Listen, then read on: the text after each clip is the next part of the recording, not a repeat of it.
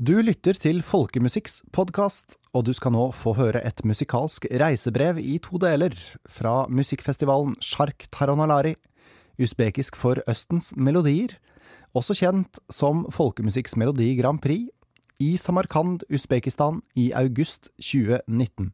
Og aller først får du høre litt musikk fra åpningsseremonien.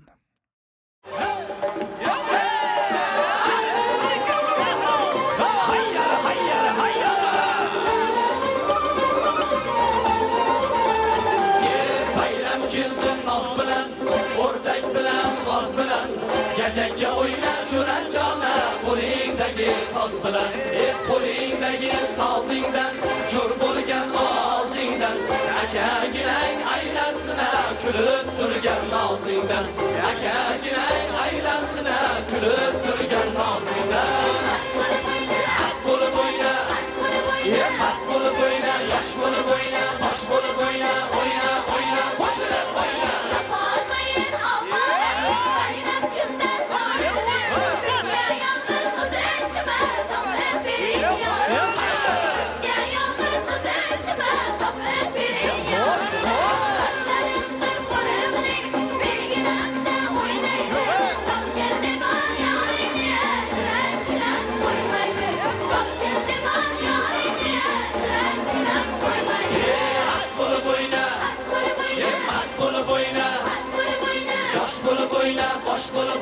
Hoy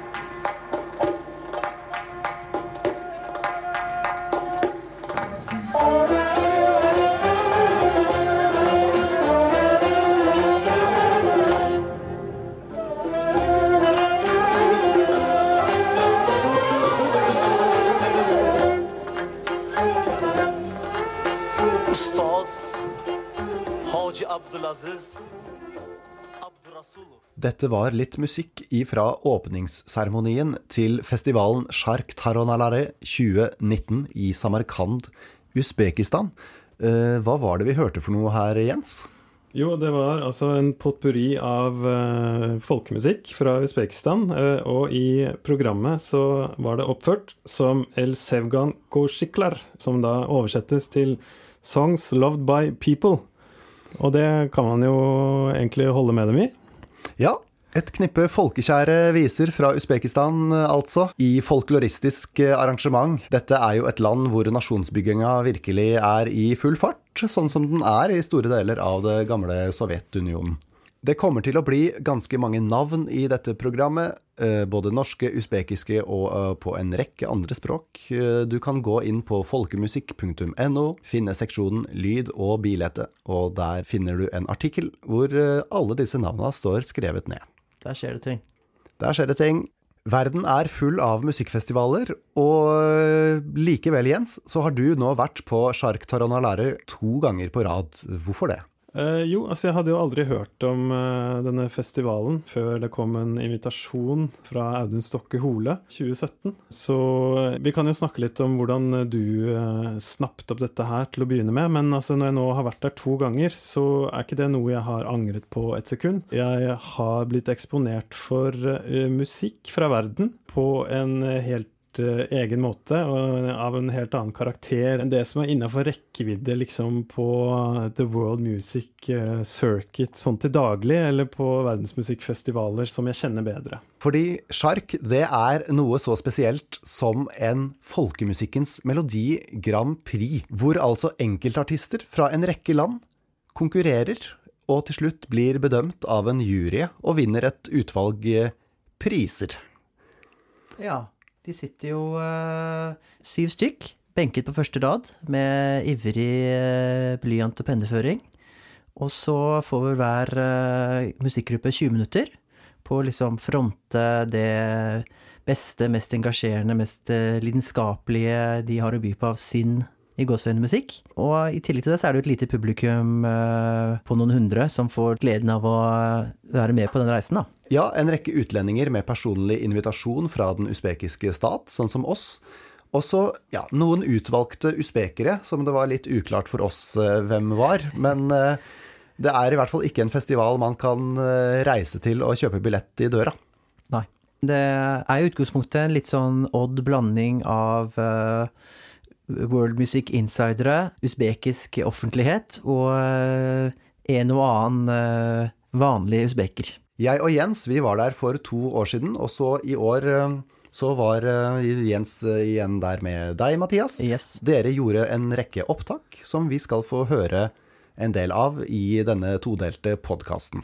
Ja, jeg, jeg snakka annet med en eh, ester som heter Hannes Pikkat. Han eh, bor da i Almaty, Kasakhstan. Han er gift med en diplomat, og han får dagene til å gå med å drive og sette opp turneer for kasakhstanske og usbekiske grupper. Tar dem med seg bort til Baltikum og Tyskland og Frankrike og sånn. Og han er da en veteran eh, på sjarken. Han har vært der tre ganger, og første gangen han var der, så satt han til og med i denne juryen, da. Og i tillegg til Hannes så snakket vi også med David Hebbert, som eh, jobber som etnomusikolog på Høgskolen på Vestlandet. Og eh, også Ahmad Nasser Sarmast fra den afghanske gruppa Haft Gå. Og så skal vi få høre litt mer musikk, og hva skal vi få høre da, Mathias? Du, det er eh, en utrolig fløyterik låt av Akbar Kamisukan fra Pakistan, og den heter Tilang.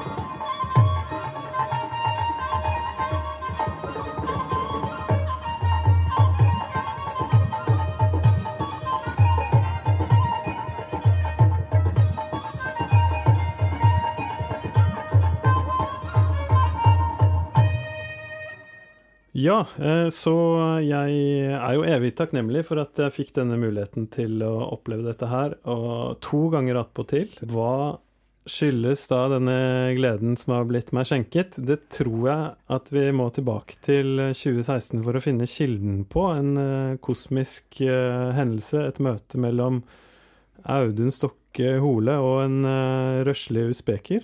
Helt riktig. Hosnidin Ato er en eh, kar fra Samarkand som jobber med å produsere turneer, konserter etc. med usbekisk eh, folkemusikk rundt om i verden. Hosnidin møtte jeg første gang på Førdefestivalen 2016, og så møtte jeg han året etter på Folk- og værsmusikkgallaen i Helsingborg.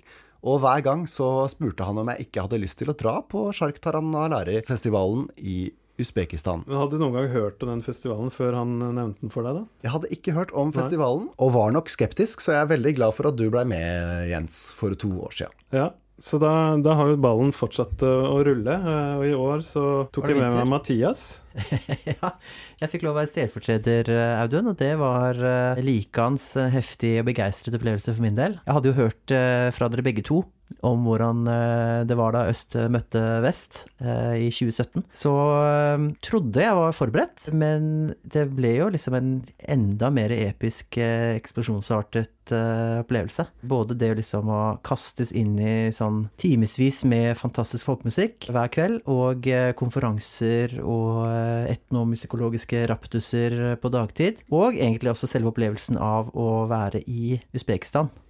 Ja, fordi som europeer på sjark så er man eh, VIP på godt og vondt. Man blir behandla som konge, kjøres overalt, får mat og drikke og hva det skal være, og flotte banketter. Men samtidig så kan man ikke bevege seg fritt overalt mens man er der. Det er jo en sånn forhandlingssak med både guide og eh, egenerklært government man som eh, passer på. I år eh, mindre enn for to år siden, hvis jeg har forstått på dere begge. Altså, jeg, jeg ante en eh, kvalitativ endring altså, i løpet av de to årene. Eh, sånn at eh, det var, kanskje føltes litt mer fritt og uanstrengt denne gangen. Det er kanskje en sånn eh, gradvis, eh, sakte, men sikker eh, oppmykningsprosess som er på gang i Usbekistan. Altså voldsom vekst i eh, turismen. Og regimet er jo mer eller mindre det samme som eh, det alltid har vært. Men altså den, eh, den gamle landsfaderen, han gikk jo av med døden i 2016. Vi fikk en ny mann inn. Ja, ting endrer seg. I år så eh, var det litt mer chill, og han government-mannen, han, eh, han logget jo av i løpet av dag Ganske to, raskt, så han ja. sov jo ikke noe mer til. Jeg fikk jo også inntrykk av at han kanskje aller mest var opptatt av å passe på J. Kåre, vår guide, i like stor grad som han var opptatt av å passe på oss. Og med det inntrykket jeg hadde fått liksom via via, de inntrykkene, eh, erfaringene deres fra sist gang, så hadde jo jeg relativt lave forventninger til hvor mye frihet vi ville få. Og der må jeg si eh, at eh, J. Kåre fortjener mye honnør. Hun gjennomgikk en slags personlig utvikling i løpet av disse dagene, tillater jeg meg å si, og eh, ga både seg selv og sine internasjonale gjester eh, mye mer spillerom, som vi da selvfølgelig fylte etter beste evne. Ja. Jeg husker også særlig godt en episode fra 2017 der jeg sa til mine guides at eh, jeg vil gjerne eh, gå meg en liten tur alene. Eh, og det satt langt inne. Så da, da måtte jeg lage en scene slik eh, jeg ikke visste at jeg hadde det i meg. Men da, da fikk jeg innvilget en times eh, gåtur alene. Alenetid, ja. Vi aner altså en eh, mulig utvikling som gjør at det er litt lettere å være vestlig turist-journalist i Usbekistan. Vi får håpe at det fortsetter, og at det er like attraktivt i 2021 og andre år framover å være nordmann på sjark. Vi har vel et aldri så lite håp om at Sjark Taranalari også skal få sin første norske artist uh, Ja. i Trekk vår på bunaden og sleng inn en søknad, så, så tror jeg det skal være gode muligheter for det, altså. Absolutt. Uh, men jeg vil jo si også at um, for turister så, så er, vil man ikke liksom uh, Sannsynligvis ikke møte på like mye oppassing, da. Men man må vite at når man reiser som delegat på denne festivalen, så blir det litt, uh, litt av det. Og i år, i august, så var altså dere, Jens og Mathias, på Sjark som akkrediterte journalister. Ja, stemmer. Vi var jo så heldige å være utsendte fra Folkemusikkmagasinet. Og det er jo ikke sånn at det er så lett for uh, hvermannsen å komme seg til den festivalen. Dessverre, må jeg si. Og utover det lille knippet med journalister som vi var en del av, så var det en del andre folk der uh, også, heldigvis. Ja, eh, man havner jo på en måte i samme boble, da. Eh, samme kategori som musikerne, selvfølgelig. Vi blir eh, plassert på hoteller sammen med musikerne, men også forskerne. For det er en egen del av denne festivalen at det også er en vitenskapelig konferanse. Rett og slett en etnomusikologisk konferanse som eh, løper da på dagtid. Eh, og så er det en eh, tredje-fjerde kategori som eh, er da eh, andre festivalarrangører fra rundt omkring i verden og musikkbransjefolk. I den litt sånn smale verdensmusikkverden. Ja. Mm. Jepp. Og man er jo i Usbekistan da som invitert av den usbekiske stat. Så er du etnomusikolog eller eh, verdensmusikkfantast og har lyst til å leve som konge i en ukes tid, så kan Sjark Taranalari anbefales. Send en DM, vet du. Send DM.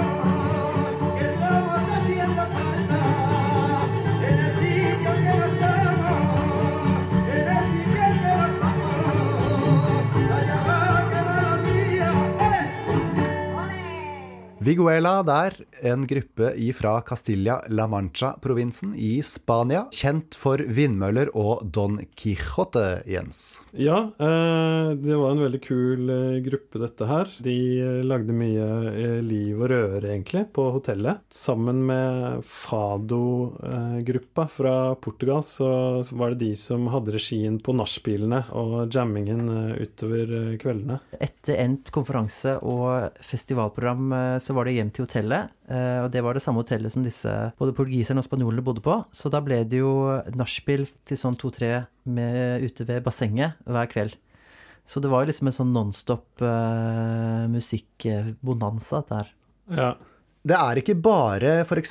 spanske folkemusikkartister som er store når det skal arrangeres eh, folkemusikk-grand prix i Samarkand, men også besøkende norske journalister er veldig populære, og særlig når man er så kjekk en kar og velkledd som deg, Mathias. Stopp, Audun.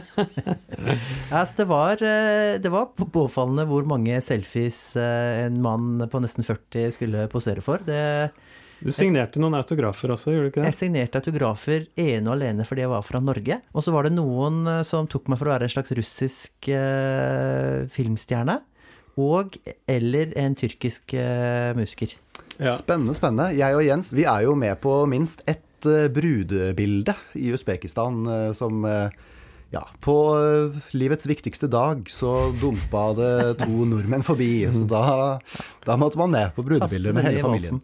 En gammel hipster med caps må med på, på bildet. Eh, Men også eh, usbekisk media syntes det var veldig interessant å snakke med oss. Da. Så det, det skjedde jo ved flere anledninger, og det, eh, vi stiller jo gladelig opp på det, selvfølgelig. Eh, Kan dere huske hva slags spørsmål vi fikk? Ja, det gikk jo stort sett i det samme. Hva syns dere om Usbekistan? Og eh, mer eller mindre har folk vært eh, snille med dere eh, mens dere har vært her? Ja, det, det er det jeg selv husker også fra to år siden, så det var nok eh, mye de samme spørsmålene fra en del av de samme journalistene, kan jeg tenke meg. syns du om Samarkand? Hva syns du om Registan Square? Hva syns du om Shark Taranalari? Hva syns du om usbekisk mat? Mat? Ja, ja. Mhm. Og eh, ja, dette har vi nå svart på alle sammen til uh, usbekisk riksmedia, og sikkert lokalmedia for alt jeg veit. vi skal høre hva et par andre hadde av opplevelser på årets sjark, nemlig Hannes og David. Stemmer. Det blir litt uh, tanker rundt eh, hvor kjent eller ikke kjent denne festivalen er. Og eh, altså det faktum at den er så utrolig mye større enn den eh, man skulle tro, med tanke på hvor lite kjent den er eh, i vår del av verden. The first time I was member of jury and uh, and I had been in Uzbekistan for half a year. We had been living in a bubble, in a way. So uh, everything was new. I didn't know what, at all what to expect, and I was, uh, as a member of jury, approached many times by these young Uzbek journalists, and they all were asking, "So, what what are you thinking of this world's biggest festival?" And I had really trouble in uh, finding uh, correct words to explain what I what I was feeling because it was really uh, um, well after the first or second day uh, there was so much absurdity in uh, Yeah. how they treated their guests. Everybody had uh, a guide, Yeah. which uh, was like uh, attached to you. This is my third time, and, and already last time I think I, I started to understand. It's it's a big event. It's uh, awesome what they what they are doing, and as to the setting of the uh, performing performances, the stage, this is really unique. It's uh, it's difficult to think anything more beautiful, more uh, effective.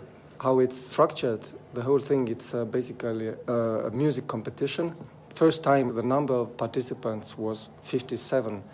This time, luckily, it's uh, like 30 something, so it's more normal. But all these performances, you you had to listen in, in three days, so it was like uh, really four or five hours every night of music, but it was so uh, well managed. Uh, what was going on on the stage was really top professional. The lighting, the sound, the the choice of musicians was mostly very good, partly good, and sometimes just interesting. Maybe there are hundreds and hundreds of people that gather here in Samarkand every two years. Everything together makes it really a, a really huge event, and I, I'm sure now that it's it's one of the biggest music events in the world. Not uh, unfortunately concerning uh, audience figures. This is one of the things that um, disturbs me the most. That it's almost closed event. Du hørte noen ord fra Hannes Pikat der, en estisk musikkprodusent bosatt i Kasakhstan. Og nå skal vi høre noen ord fra David Hebert, som er professor i musikologi ved Vestlandsuniversitetet. Opprinnelig fra Seattle, men nå bosatt i Bergen. This is my third Shakhtar Chironalari. It's hard to say. Yeah. Um, and I know the opening ceremony is amazing, and Yeah. um, it is a, an incredible thing to also be able to see all the different performances leading up to the, the real competition stage. And even uh, in previous years, I would go to, there were chances to go to the hotel where the musicians were staying, and they would be up very late showing Yeah. music. We're in that other. hotel actually. Okay. Yeah. So that's an amazing It's scene. fado and flamenco themed uh, This year. this this year. and it was often kind of segregated from where the scholars were, which was Mm. this very, you know, polite, uh, Yeah. very formal kind of uh, situation. And I, I liked to go over to the musicians' hotel because Yeah. that's where it seemed like it was a lot more fun. In terms of the diversity of genres represented, it may be one of the largest In the world? competitions in the world. Yes, because um, first of all, when you think about it, it's it's not realistic to to believe that you can actually judge. Um, but it's it's quite interesting to see you know what do judges think if they're comparing across genres that are so utterly different from each other Yeah. where you have just one performer representing each of these genres that are so completely different it's fascinating to think that a panel of you know seven or eight judges is going to make decisions about which they think are the best Best. ones but they have many different categories and a lot of freedom because even with something that's really specific like piano concertos where you have everyone playing the same instrument, playing the same pieces, where there's across time a sense of what is the proper way to play this piece by Rachmaninoff or whatever. Even with those, there's a lot of disagreement among, among judges. And with something like this, the variables involved, it's mind boggling. So I think the judges must have a lot of interesting discussions Yeah. and uh, they do what they can to have some kind of ranking at the end. But rather than being so much about people seriously taking the awards, you know, so seriously about, you know, are you second place or third place or this kind of a thing, it's more about um, musicians getting together, about this theme of international cooperation and peace and so on, and, and also about exposure for the musicians because a lot of the people invited, the special guests here, run other music festivals. Yeah. And so this is a great chance for recruiting. A lot of this kind of networking opportunities. Yes, absolutely. Og liksom det derre eh, stor eller liten-spørsmålet. et element der også, som vi har vært inne på, er at det, det, er, det er bare 300 stoler eh, som er plassert ut her. Eh, men samtidig da, så merker man at det er en massiv eh, interesse rundt. På alle TV-skjermer rundt omkring så ser man at det er eh, repriser fra gårsdagens eh, festival som, eh, som ruller. Ja, svære investeringer som er inne på dette flaggskipet for eh, Usbekistan ut i verden. Ja, denne festivalen ble starta som et av de virkelig store prestisjeprosjektene til eh, den første usbekiske presidenten. Og det sier litt, for i denne del av verden så går ikke presidentene av veien for å sette sine aller mest hårete planer ut i livet så fort som mulig. Ruhnama.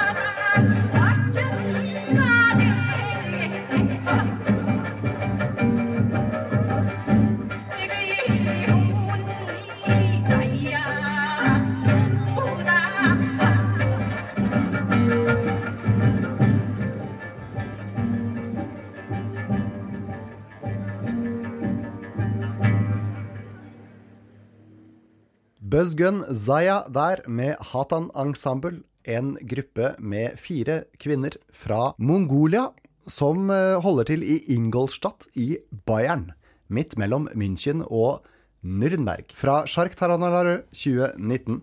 Og nå skal vi gå litt mer i dybden på en av artistene som spilte på årets sjark, Shark, Mathias. Ja, det blir eh, afghanske Haft Gå, som vi ikke bare hørte på, men også intervjuet i etterkant.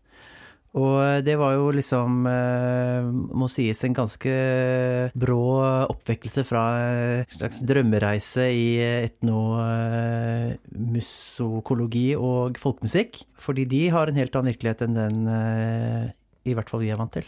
Ja, og Samarkand i Usbekistan er heller ikke langt ifra grensa til Afghanistan, så man er eh, i bunn og grunn i den samme regionen. Man er i nabolaget der, men uh, musikerne i Afghanistan har nok uh, betraktelig mer brutale kår. Så det fikk vi lære litt om eh, i dette intervjuet, da. Og det er som Mathias sier, at man Vi ble revet litt ut av folkebobla vår der og da. Så nå får vi en liten snutt med Ahmad Nasser Sarmat fra Haftgå, som forteller litt om livet som musiker i Afghanistan. Our group name is Haftga. Haftga means the seven note of music. For example, do, re, mi, fa, sol, la, si, do. We call in uh, our music Saregama Padanisa. So the Haftga meaning is related to music. Our group uh, have uh, six musicians. One is robot player, uh, Mr. Five, and uh, Mr. Zalai. He is playing uh, tradition flute of Afghanistan, which we call Nai. And Mr. Khalid Khaled Hamahang, he is tabla player, and Mr. Nasir Wahab Nasiri, he is playing dambura. And the last one, Mr. Bilal Naim, he playing uh, zirbagali. It's a kind of percussion instrument. Our group is starting in uh, 2008. Uh, our first uh, performing was in Germany, then uh, several uh, places of Afghanistan, Kabul, Mazar-e-Sharif, India, outside outside of Afghanistan, also Finland, Sweden. Yeah. In Afghanistan, we have several problems against music. One is the traditional beliefs of Afghan peoples. For example, somebody believed that in our religion music is not allowed, which is a Arabic uh, term, haram. Uh, but uh, according my opinion, that's wrong. It is um, Islam is not against music. But the other matter is uh, security purpose of Afghanistan, war, everything affect music, and especially the belief of uh, families don't want that their son, their daughter, to learn music, to be a musician. I uh, have MA and PhD in music from uh, India, but uh, never my relatives support me as a musician. They always be against of my art. So it is a lot of problem in Afghanistan, of course, but uh, we always try to fight against this negative thinking. Before uh, our genre of uh, Uzbekistan, just one week uh, back in Afghanistan happened some blast uh, in a marriage party. It's a suicide attack, you know, and uh, more than uh, 120 uh, innocent people die and injury. And we lost some uh, talented musician, which they were the relative of Mr. Uh, Faiz. So uh, we became confused how to, in this situation, we can participate in the festival, we can perform. But we decided finally, no, we should participate, we should go there, we should perform, perform and we should carry the message of Afghanistan for all world that we want peace. That's why it was very uh, important for us to come here and perform and participate in this festival. Ja, det var Ahmad Sarmast fra gruppa Haftgå, eh, som nå skal spille låta Laili Laili Jan. Før eh, Ahmad igjen forteller litt om eh, tradisjonen den tilhører, og også hvilke tradisjoner den slekter på. Og da gjør vi vel eh, fornuftig i å lytte til hva han har å si, for eh, Ahmad han er den eneste fyren i hele Afghanistan som har doktorgrad i musikkvitenskap. Og folk med doktorgrader, de skal vi lytte til. Hilsen doktor Hjort.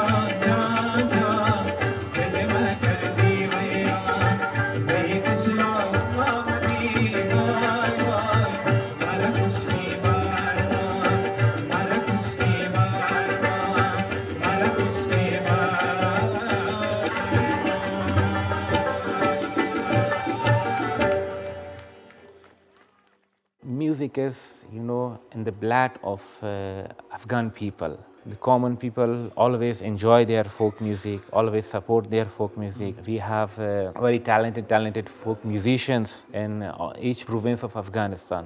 But uh, you know, after 2002, from outside of Afghanistan uh, came a lot of uh, Afghani musicians and foreign musicians. All Afghanistan, we have only one music department in the academic level. Kabul.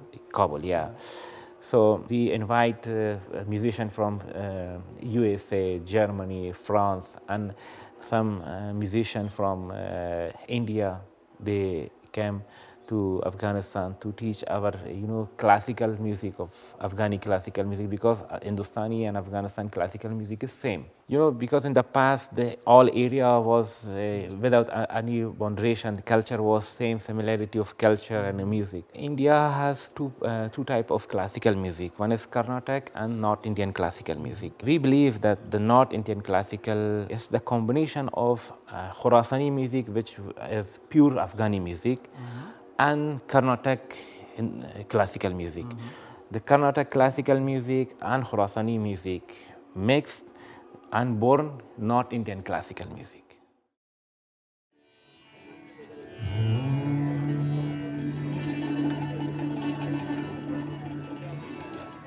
Oh.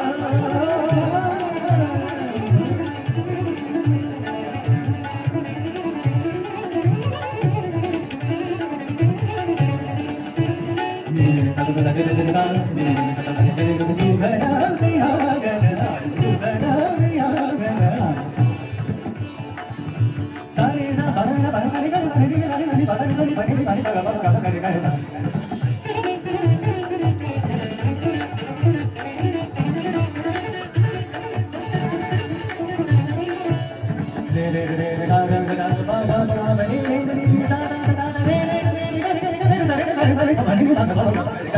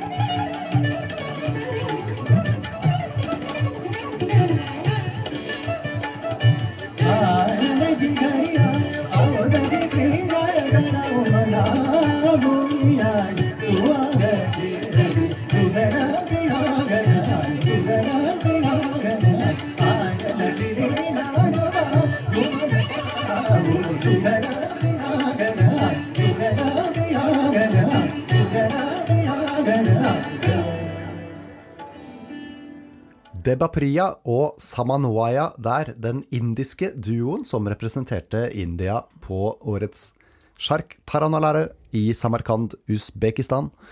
Nordindisk klassisk musikk. Etter at Ahmad Sarmast fra den afghanske gruppa Haft Gå prata om koblingen mellom afghansk og nordindisk klassisk musikk. Du har nå hørt første episode av magasinet Folkemusikks reisebrev fra Usbekistan, nærmere bestemt byen Samarkand og musikkfestivalen Shark Taranalari, usbekisk for Østens melodier.